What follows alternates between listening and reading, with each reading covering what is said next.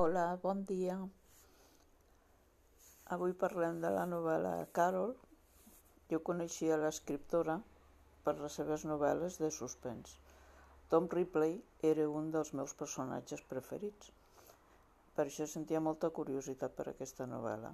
És una història interessant, tenint en compte de l'any que es va escriure, el 1952, el tema que exposa, l'amor entre dues dones, és interessant està escrita com una, com una novel·la de suspens, una mica lenta, però plena d'emocions, sense melodrames ni sexe explícit.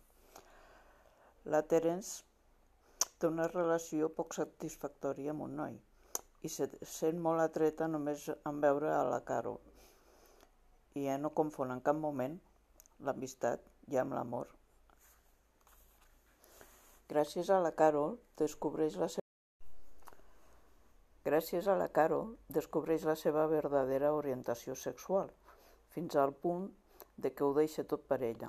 La Carol, que és una dona divorciada i amb una filla, encara que lluita per la, per la custòdia de la nena, ho acaba perdent tot.